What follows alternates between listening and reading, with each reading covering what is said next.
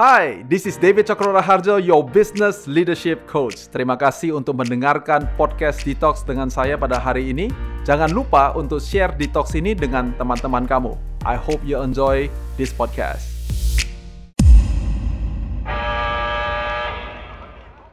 Jadi pertanyaan yang paling pertama yang kali mau nanya adalah kan kita pernah uh, David pernah bikin detox judulnya Season of Life versus uh, Opportunity mengenali uh, musim kehidupan and so on.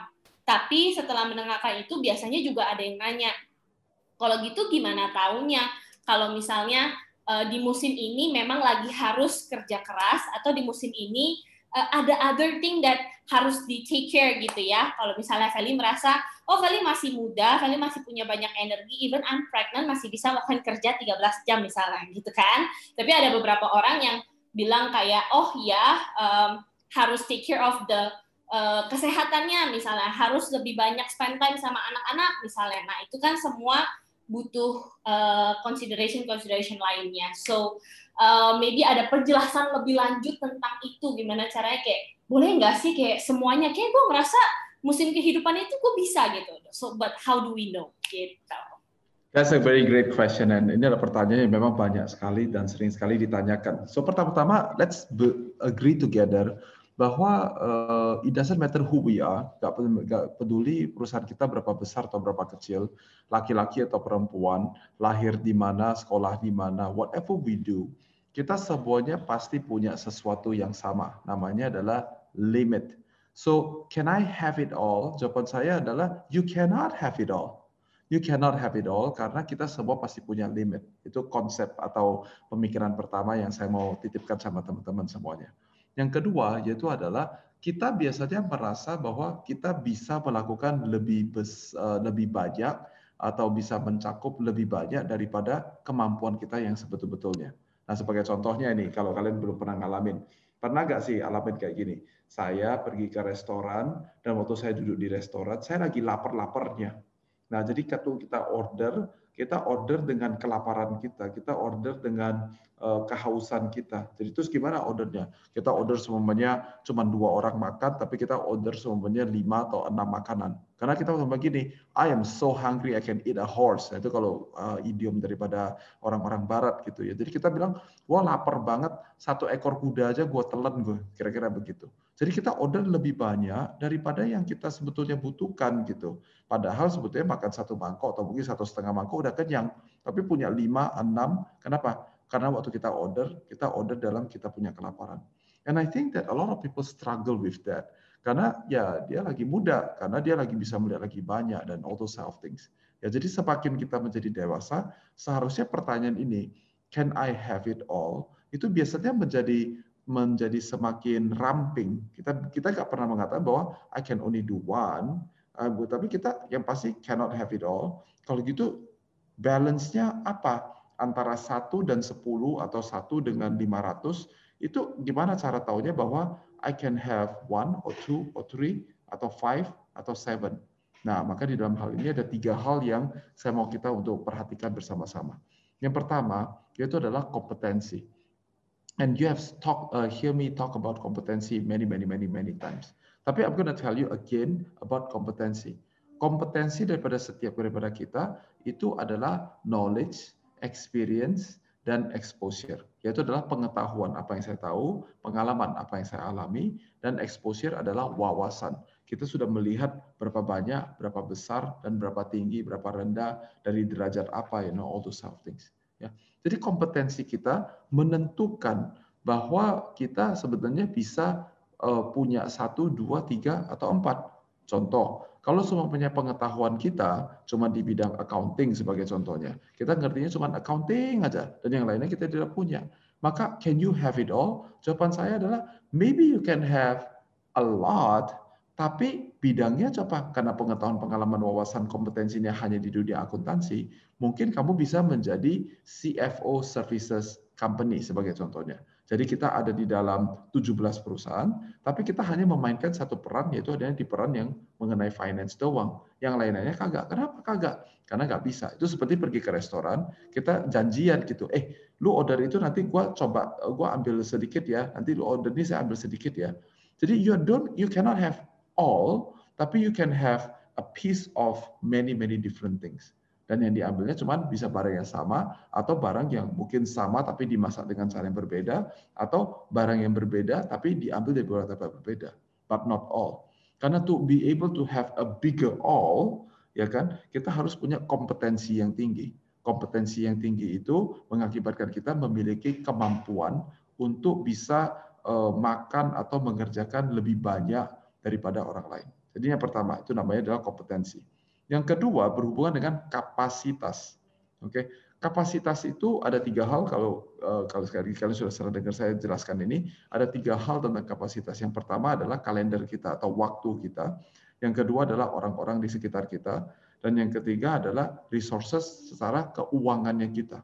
Ya, jadi sekali lagi time, uh, people, and money. Kapasitas kita berapa gitu? Nah, sekali lagi, yang di sini nih nggak bisa diganti. Setiap dari kita cuma punya 24 jam dalam satu hari. Jadi pada saat kita bilang, I want to do this, I want to do this, I want to do this, I also want to do this. Kita mesti bertanya adalah kalender kita itu seperti apa. Nah, orang seperti saya yang yang mau mengerjakan banyak hal urusan-urusan yang besar, uh, uh, saya punya disiplin untuk uh, sweep through, untuk Eh, betul-betul menjelaskan dengan detail apa yang saya lakukan di dalam kalendernya saya. Nah, seperti sekarang kita belum masuk tahun 2021 as we're doing this recording, uh, di, uh, by now saya sudah punya kira-kira 55-60% daripada waktu saya sudah terisi. Nah, pada saat saya sudah katakan sudah terisi, ini penting sekali. Ini bukan hanya bercerita tentang, oh, tanggal sekian, jam sekian, saya mau melakukan ini karena ada hal-hal tertentu untuk saya yang di mana cuma sekedar muncul aja di dalam meeting itu. Tapi kadang-kadang ada konteks di mana untuk bisa melakukan meeting itu atau aktivitas itu, saya harus memiliki beberapa meeting lagi yang lain, di mana untuk mempersiapkan atau mungkin ada hal-hal lain yang perlu dilakukan untuk bisa dapat satu potong ini. Nah, as you thinking about 2021, harapan saya kalian nangkep itu, kalian masukkan dalam kalender, tapi mikirin juga sequence-nya gitu loh. Untuk bisa dapat ini, apalagi nih yang bisa dikerjakan? Masukkan. Bahkan itu kalau cuma urusan 15 menit, 30 menit, tetap harus dimasukkan. Nah, dengan demikian kita bisa mengatakan, can I have it all? Tergantung berapa banyak lagi yang kita bisa lakukan. Nah, pertanyaan ini melanjut kepada komponen yang kedua, yaitu adalah timnya kita, orang-orang yang ada di dalam tim kita. Apakah orang-orang ini adalah orang-orang yang sudah bisa dilepas dan mereka benar-benar sudah bisa mengeksekusi tanpa involvementnya saya atau ini adalah orang-orang yang masih perlu di grooming dulu oleh saya. Gitu. Walaupun cuma 15 menit 30 menit. Nah itu harus ada di dalam kalendernya kita. Tapi kalau memang mereka sudah bisa didelegasikan dan mereka bisa melakukan pekerjaan itu dengan baik nah berarti uh, ada hal-hal tertentu. Mungkin tadi di sini ada empat urusan mungkin ada satu yang udah hilang atau ada dua yang hilang Nah, di balance antara kedua hal ini itu akan mengakibatkan kamu bisa mengatakan how much can I eat? Berapa besar porsi yang saya bisa ambil untuk melakukan proyek-proyek yang berbeda atau membuka bisnis unit yang baru atau berkolaborasi atau berpartner dengan orang lain lagi and so on and so on and so on. So you have to understand your capacity. Dan tentu dalam capacity yang terakhir adalah cerita tentang uang. Ya, kita tidak bisa deny bahwa uang penting untuk kita bisa mengukur kapasitas kita. Ya sekali lagi kita sudah pernah cerita tentang budget, target, ya nah, ini semuanya video-videonya sudah ada di pernah dibikin. Kalian perlu untuk revisit the things that I've been teaching you. So money matters.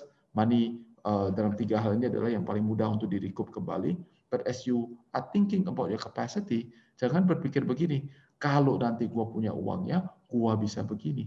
Belajarlah untuk berpikir dari apa yang sekarang saya punya, apa yang kemudian saya bisa kembangkan. And that is a kapasitas. Jadi pertama komponen uh, adalah kompetensi, yang kedua adalah kapasitas.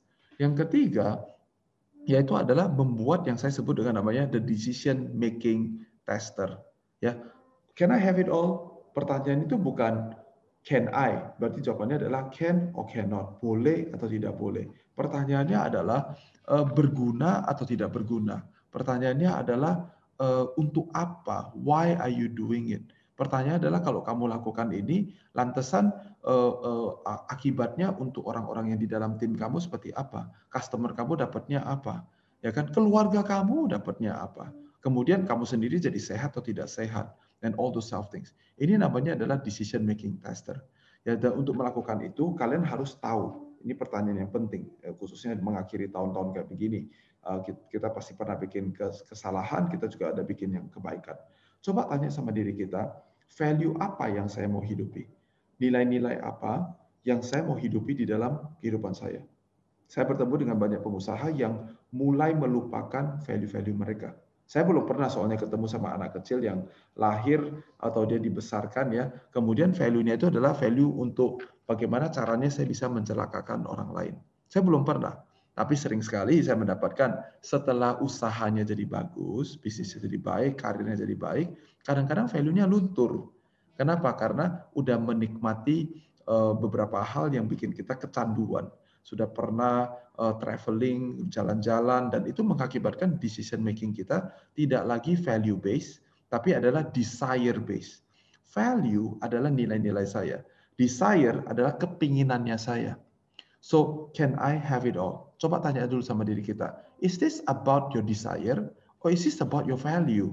Gitu loh, ya. Nah, dari situ itu seperti sebuah timbangan, kita bisa menimbang-nimbang dan itu akan membantu kalian untuk menjawab pertanyaan itu boleh dapat satu, dua, tiga, empat, atau tujuh ratus atau tujuh juta. Nah, itu semuanya adalah pertanyaan tentang uh, value versus your desire. My plus one for today namanya adalah cost and benefit. Untuk setiap hal yang kalian mau lakukan, ada cost-nya, ada benefit-nya. Nah, kalau kita hanya fokus di benefit-nya, kita mungkin berkata kepada pasangan kita atau kepada anak-anak kita atau kepada partner kita atau kepada orang kerja kita, kita mungkin jawabannya cuma adalah, eh kalau kita lakukan ini ya, kita bisa dapat begini loh, kita bisa dapat untung begini loh, kita bisa begini loh, begini loh. Nah, begini loh ini adalah cerita tentang benefit. Have you asked the other side of the math? Yaitu adalah untuk bisa mendapatkan benefit ini, cost apa, biaya-biaya apa yang saya perlu kerjakan untuk bisa mendapatkan benefit itu. And this is a very very important question. Kadang-kadang kita berpikir bahwa adalah oh kita bisa mau punya rumah karena kelihatannya kita punya rumah itu. Tapi kalau kita tidak pernah calculate cost-nya, beberapa hari yang lalu saya sempat ketemu dengan satu orang pemimpin dan kita ngobrol-ngobrol, yaitu adalah saya bilang, uh, do you know bahwa kalau kita nggak punya uang tunai untuk beli ruko ini, kelihatannya kita cuma bayarnya sekian juta setiap tahun. Tapi kalau dikreditkan selama 10 tahun, sebetulnya barang 600-700 juta ini, kita ended up bayarnya kira-kira 1,3 sampai 1,4 miliar rupiah. Gitu. Jadi kita sebenarnya bayar gitu banyak. Berarti 10 tahun dari sekarang, eh, kalaupun eh, properti ini bisa naik tiga kali lipat sebagai contohnya, kita punya keuntungan tidak sekaya, tidak sebesar yang kita bayangkan. Sedangkan kalau kita semuanya bayarnya itu adalah tunai, maka dalam waktu 2 tahun, 3 tahun pun kita bisa mendapatkan benefit yang jauh lebih besar. Tapi cost-nya memang juga lebih sulit untuk dijalankan. Ini menjadi contoh-contoh bagaimana kita berpikir tentang can I have it all? Orang ini sedang berpikir tentang kalau saya lakukan ini, saya juga bisa begini, begini, begini, begini fit. Nah, so that is about the mentality of I want to have it all. Jadi mudah-mudahan as you're closing this year, as you're thinking about next year, you don't look only on the benefit, tapi kita juga perlu melihat di cost structure-nya. What is the cost to do it? Nah, penting sekali just cepat-cepat aja. Kalau kita nggak punya likuiditasnya, pay attention on it. Karena itu bisa salah-salah. Kalau terjadi yang baik, you hope for the best, maka benefitnya dapat. Tapi kalau you do not expect the worst, dan itu yang worst yang terjadi sama kita, itu bisa mengakibatkan kita fatal. Bisa gulung tikar sebagai contohnya. Alright, so I hope that you're thinking. And for today, I got a double double. I got another plus one. Jadi ada plus one plus two. Plus two saya hari ini namanya adalah sequel. Think about movies like Harry Potter. Think about uh, uh, TV, uh, series sequel yang sekarang lagi famous make kayak startup. Lucu gak sih kalau seumpamanya si sutradara di setiap daripada perjalanan satu season atau satu episode sudah selesai, baru dia mikirin Nanti besok-besok episode 2, episode 3 kita mau cerita apa ya? Jadi ceritanya pasti jadi amburadul karena gak ada sebuah planning. Yang disebut dengan sebuah sequel biasanya adalah ada orang yang tulis buku. Dan dia sudah tulis buku untuk semuanya 5 sequel. Atau dia sudah menulis untuk 5 season. Mungkin dia tidak menulis untuk 20 season. tapi dia sudah tulis 5 season. Itu sebabnya dari awal mulanya sudah ditaruh beberapa karakter yang mungkin mungkin di episode 1 di season yang pertama kelihatannya gak terlalu penting. Tapi kemudian di season kedua, ketiga, atau keempatnya tiba-tiba menjadi karakter yang penting.